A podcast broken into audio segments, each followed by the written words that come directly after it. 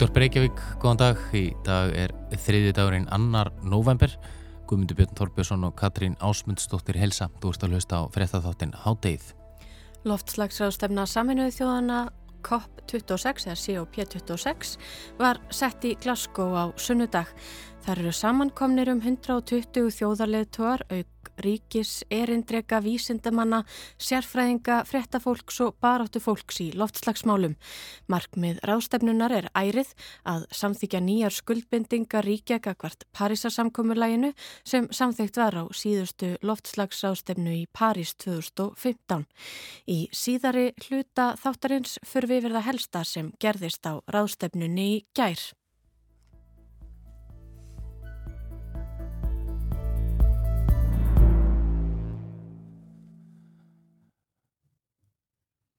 Morð á ungri banderískri stúlku, Gabrielle Petito, hefur hrundið að stað samtali og umræðu og varpað ljósi og ímuskonar samfélagsleg vandamál og misbresti, til dæmis kervislega mismunun, fjölmjöla umföllun, kynbundið ofbeldi, lífið í netheimum og sjálfskeipaða internet rannsóknarlauruglumenn vopnaða tölvum og nettengingu og ágæti þeirra.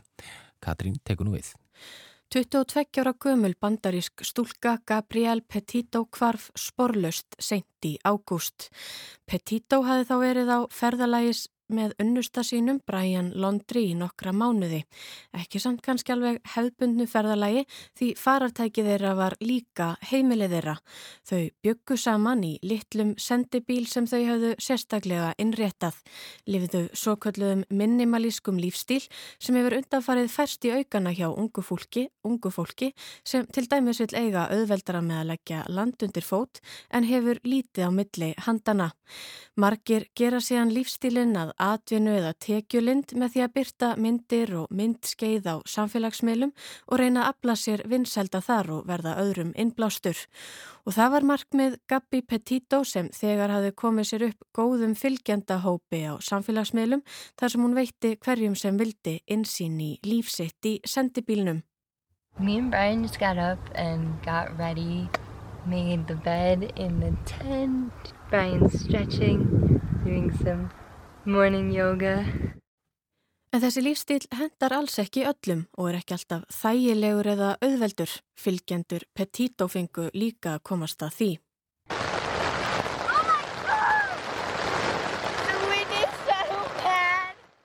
Og líkt og verðist alltaf koma betur og betur í ljós gefur glansmynd samfélagsmiðla ekki alltaf rétt að mynda vrumveruleikanum og það reyndist í miður vera tilfelli hjá þessu æventýra gjarna pari.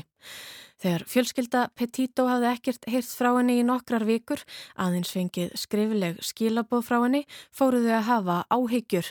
Nú var langt liðið á ágúst og parið hefði verið á ferðalægi í um tvo mánuði að heimsækja þjóðgarða á vestuströnd bandaríkjana og skrásetja ferðalægið auðvitað á samfélagsmiðla. Og allt virtist hafa gengið eins og í sögu hjá þeim eða allt þar til Gabi hætti að svara fjölskyldu sinni og byrta fæslur á samfélagsmiðlum. Fjölskyldan fekk síðustu skilabóðin frá henni 30. ágúst og þar stóð bara ekkert símasamband í Yosemite.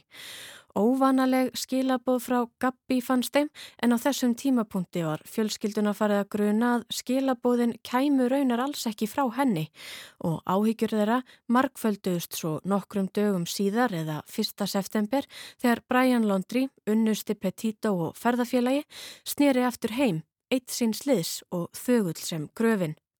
Í kjölfarið tilkynntu fóreldrar Petito kvarfinnar til láreglu.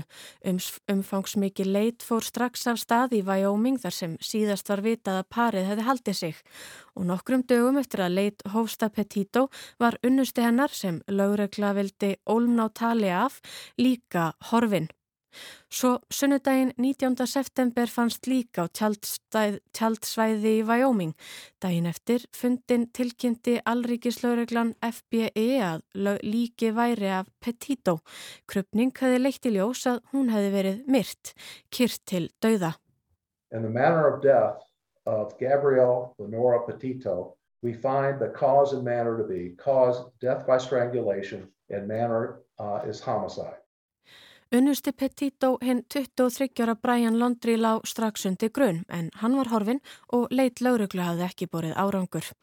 Almenningur var ekki lengi að leggja sín lóð á vogaskálanar.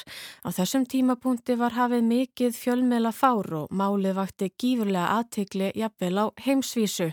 Almenningur gæti bæði nýtt sér fjölmela um fjöllun og svo þetta allar þær upplýsingar sem Gabi sjálf hafi skilið eftir sig á samfélagsmiðlum og ýmsir sjálf sjálfskeipaði rannsóknarlauruglumenn internetsins gáttu því lagst í mikla eftirgrenslan og út frá því spruttu ymsar og alls konar kenningar og ábendingar sem sumar hverjar voru allríkislauruglunni mikilvægar og koma góðum nótum en aðrar alls ekki.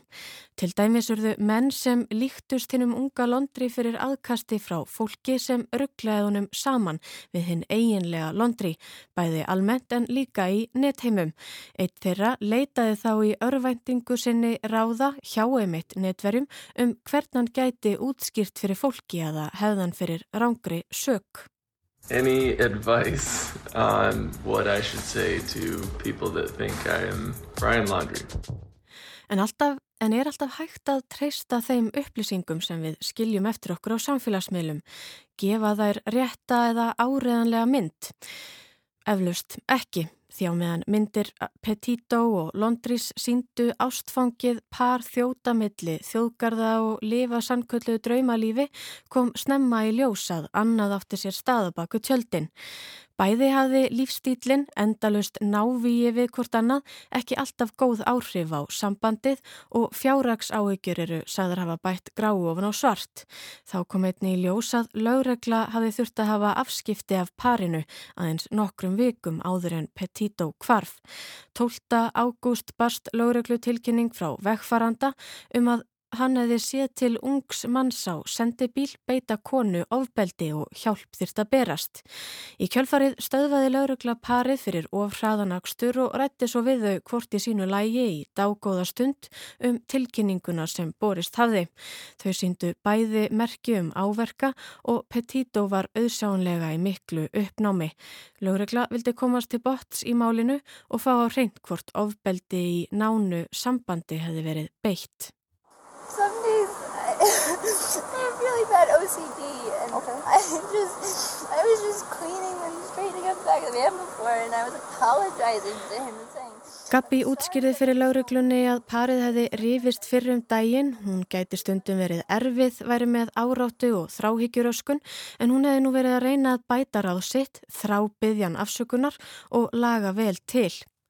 Londri viðkendi svo fyrir lauruglu að klórförin á hálsjans og höndum væru vissulega eftir Gabi. Hann væri þó alls ekki að kvarta enda elskaðan hana afar heitt. I suppose fingernails, but I'm not complaining. I'm fine and I love Gabby. I, I hope she doesn't have too many complaints about me. Og endanum þrátt fyrir tilkynninguna frá sjónarvottinum ákvað lögregla út frá sínilegum áverkum og þessum samræðum við parið að í þessu tilfelli væri ekki ástæð til að fara með málið lengra.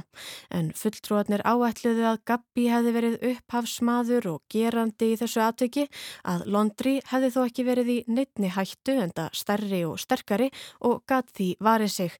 Það þyrti því ekki að leggja fram kæru en hins vegar skildu þau parið að í um sólarring, skildu skildu Gabi eftir í bílnum og komu Londri fyrir á hóteli til að gefa þeim smá andrimi.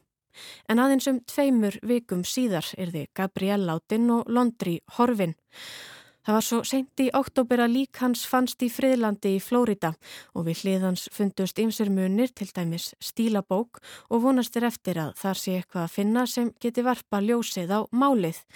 En því er ekki lokið. Málið hefur nefnilega reynst vera eins konar Pandoru boks og inn í það fléttast ímis og alls konar stærri og flókin málefni svo sem um ofbeldi í nánum samböndum og kynbundið ofbeldi en líka kerfisbundna vankanta. Til dæmis hafa margir bent á það sem kallað hefur verið kvítrar konu saknað heilkennið. Það er að segja bent á það sem virðist vera sláandi misjöfn viðbröðu mannskvörfum eftir kynþætti Allt sé sett af stað og lagt í sölurnar ef kvít kona hverfur, lögregla almenningur og fjölmilar bregðist við. Svona kannski eins og á að gera þegar mannskvarf verður. Hins vegar er ekki sömu sögu að segja ef hinn hortna er af öðrum kynþætti, til dæmis svört eða frumbyggjaættum, en til dæmis má nefna að þúsundir hvenna frumbyggjaættum hafa horfið í í gegnum árin, þar að segja á sama svæði og Petito kvarf. Hins vegar hafa aðeins 18% þeirra mannskvarfa hlotið einhverja fjölmiðla umfjöllun og aðtikli á síðastlinum áratug. Og þá hafa aðrar vangaveltur vaknaðum rannsókn morðmála og mannskvarfa og ágæti þess að almenningur blandir sér um málinn með misheppilegum aðferðum og árangri. Og við í hátdeinu erum líka með spurningar. Á morgun höldum við því áfram að fjallaði um málið og þær vangaveltur sem vakna út frá því, stærra samhengið og fáum sérfræðinga til þess við okkur.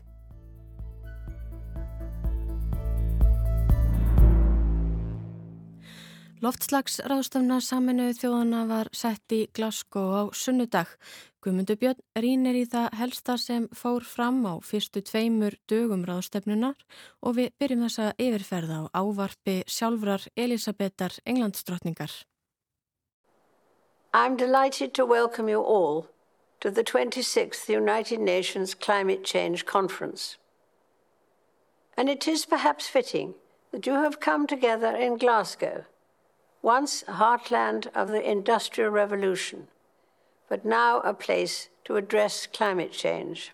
Það er mér sönn ánægja að bjóða ykkur velkomin á þessa 27. loftslagsarafstefnu saminuð þjóðana og það hefur hæfið að þið séu saman komin í Glasgow sem eitt sinn var miðpuntur innbyltingarinnar en er nú vettvangur samtalsum loftslagsbreytingar, sagði Elisabeth Englandsdrottning þegar hún ávarpaði rástefnu gesti í gær.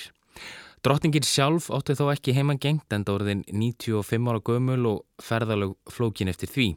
Hún sagði að engin ætti að draga í Eva þá miklu ógn sem jörðinni standi af loftslagsbreytingum en sagan hafi sínt okkur að þegar þjóðir heims koma saman með sameinlegt markmið í huga sé hægt að vera vongóð. Working side by side we have the ability to solve the most insurmountable problems and to triumph over the greatest of adversities. Ef við vinnum saman, saði drottningin, getum við list vandamál sem jafnvel virðast óyfir stíganleg og unnið þessa miklu baráttu. Hún saðist ennfremur bera þá von í brjósti að loftslags rástefnan í Glasgow verði vettvangur þar sem þjóðar leituar leggji pólitísk ágreiningsefni til hlýðar og innblíni á sameinleg markmið. Vonir og óskir drottningarinnar er ekki aðeins bundnar við hana, þeim deilir heimsbyggðin öll og ljóst er að ábyrð þeirra er sækja loftslagsráðstöfnuna er mikil.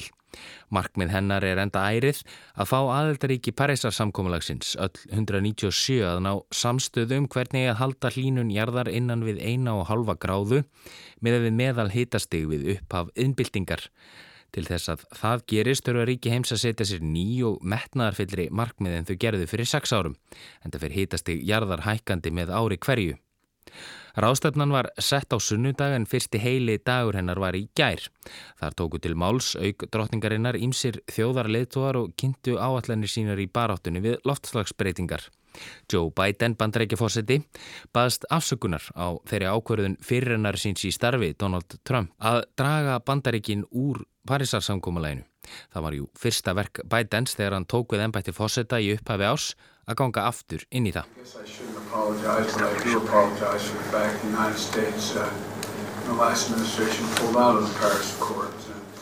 Þá sagði Biden einnig að heimsfaraldur koronaviru hefði kent okkur það að engin einn þjóð geti falið sig frá oknum sem virði engin landamæri og ekkert okkar fái umflúið það vonda sem sé í vændum grípum við ekki augnablikið sem sé núna.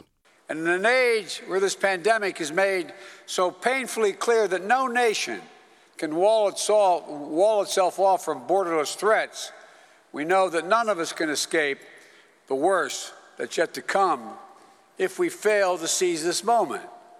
Þeirra Indlands, Narendra Modi, greindi svo frá því að Indland sem losar mest allra ríkja af koltvísýringi út í andrumsloftið að frátöldum bandaríkunum og Kína stendi að því að ná kólefnis hlutleysi fyrir árið 2070. Fyrir ráðstöfnuna var Indland eina stóra innríkið sem hafði ekki ennsett sér neyn ofinbæri markmið varandi minkun losunar og því var ávarpi í speðið með nokkuri eftirvæntingu. Kína og Rústland hafa sett sér að ná kólefnis hlutleysi fyrir 2060 en langflest ríki Parísar samkómalagsins miða við árið 2050. Ísland ætlar að ná þessu háleita markmiði fyrir árið 2040. Móti sagði stjórn sína hafa hert nokkuð á loftslagsmarkmiðum sínum. Meðal annars verði framleiðsla endur nýjanlegar orku aukin enn meira en áður var stemt að og markmiðið að hún fullnægi helmingi allrar orku þar var þessa reysastóra lands fyrir 2030. En stóru frétnar eru auðvitað þær að indverjar hafa nú loks sett fram skýr markmiðum hvenar ríkið hyggst ná kólefnis hlutleysi. और पांचवा वर्ष 2070 तक Þá laði móti áherslu á að auðugri ríki heims verði að leggja sitt af mörgum svo að Indland og önnur þróunaríki geti dreyið verulega úr losun og brugðist við áhrifum loftslagsbreytinga á þess að það bytni á efnahag þeirra. Þá stefna Brasilíu menna því að helminga losun sína á gróðurhúsaloftegundum áður en árið 2030 er úti. Fyrra markmiði var 43% skerðing. Niðurskurðurinn miðast við losunina eins og hún var árið 2005. Markar þessi yfirlýsing Brasilíu nokkur viðsnúning því losun gróðurhúsaloftegunda jógst um 9,5% í landinu í fyrra og það ár var skóar eyðing meiri þar í landi en hún hafi verið um 12 ára á skeið. Emmanuel Macron, fórseti Fraklands, kallaði eftir því að stærstu umhverfis sóðar heims, það er þau ríki sem losa mest af kóltísýringi út í andrumsloftið, seti sér enn metnaðarfyllri markmið. Á næstu tveimur vikum þurfa þessi ríki, sem ætla má að séu Bandaríkin, Rúsland, Indland, Kína og jafnvel Ástralja, að gera enn betur svo að fyrir 2030 verði það raunhæft markmið að halda hlínun jarðar innan við 1,5 gráðu frá upphafi innbyltingar. La clé pour les 15 prochains jours ici dans notre COP est que les plus gros émetteurs dont les stratégies nationales ne sont pas conformes à notre objectif des 1,5%, des 1,5 degrés, c'est que ces plus gros émetteurs rehaussent leur ambition dans les 15 jours qui viennent. C'est le seul moyen de recrédibiliser sagði franski fósittin. En líkt að heyra mátti á máli fórsetisráð þeirra Indland séru þessi ríki ekki alveg á sömu blaðsíðu. Justin Trudeau, fórsetisráð þeirra Kanada, stærði sig af árangri Kanada í minkun útblástus en sagði að landið myndi nú gefa enn frekar í og frá og með deginum í dag er þau takmörk sett á hvað fyrirtæki geta losað mikið af koltisýringi til viðbótar við skattlagningu sem þegar er til staðar. We'll cap oil and gas sector emissions today and ensure they decrease tomorrow at a pace and scale needed to reach net zero by 2050. That's no small task for a major oil and gas producing country. It's a big step that's absolutely necessary. Þetta sé ekki auðvelt skrefað taka fyrir þjóð sem framleiðir mikið af jarðefna eldsneiti, sagði Trúdó, en nöðsynlegt. En það voru ekki bara ráðamenn og kongafólk sem hvað sér hljóðs í Glasgow í gær. Baráttu konan Greta Thunberg tók til máls á mótmálafundi fyrir utan ráðstöfnuhöllina. Hún var ómyrk í máli og sagði að inn á ráðstöfnunni sjálfurri væru stjórnmálamenn og valda fólk í þykjustuleik. Það láti eins og framtíð unga fólksins skiptimáli, framtíð þeirra sem loftslagsbreytingar hafa mest áhrif á. En breytingarnar koma ekki þaðan, sagði Thunberg. Inside COP, there are just politicians and people in power pretending to take our future seriously, to, pretending to take the present seriously of the people who are being affected already today by the climate crisis. Change is not going to come from inside there. That is not leadership. This is leadership. This is what leadership looks like. Já, valdið til fólksins, sagði Greta Thunberg sem hefur fyrir löngu glata trúsinni á stjórnmálum. Skildi kannski engan undra þar sem í nýri skýrstlu umhverfisnemndar saminuðu þjóðana sem kom út fyrir tveimur veikum kemur fram að með við núverandi áallanir stefna ríki heims á að framlega rúmlega tvöfalt magn kóla, ólíu og gass með við þau mörg sem sett hafa verið til að koma í veg fyrir að hlínun jarðar fari yfir eina og halva gráðu. Nýðustur skíslunar sína að þjóðir heims áætlað framleiða 240% meira af kólum, 57% meira af ólíu og 71% meira af gasi fram til ásins 2030 en markmið Parísarsamkómulagsins gera ráð fyrir.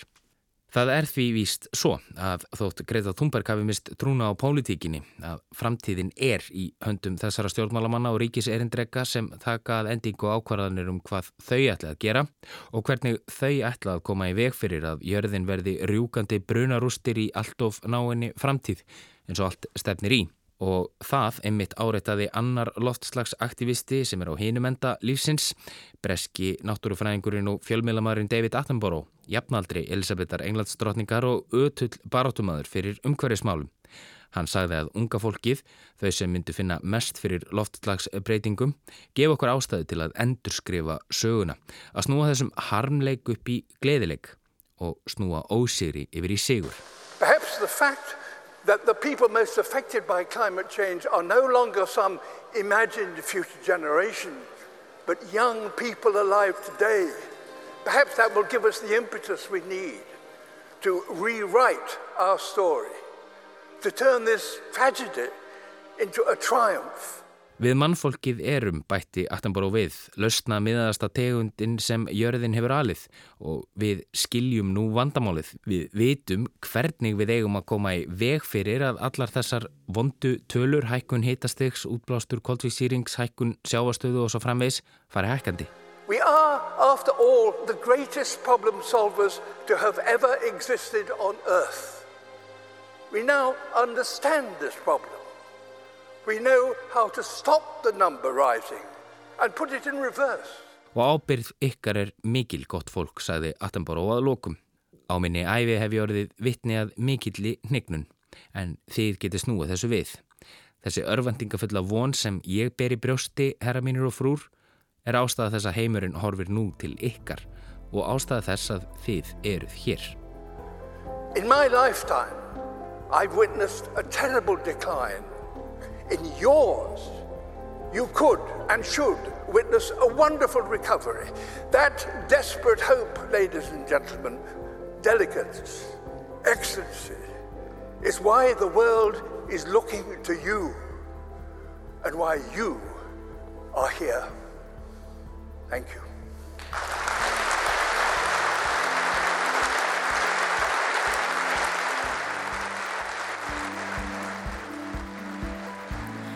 Háttegið er þá á enda í dag. Við verðum hér aftur á sama tíma á morgun. Þennan þátt og alla heina er hægt að lusta á í spilarann á rúf.is og allum helstu hlaðvarpsveitum og þá er þetta að senda okkur post með ábyrtingum á neitfangið háttegið hjá rúf.is verið sæl.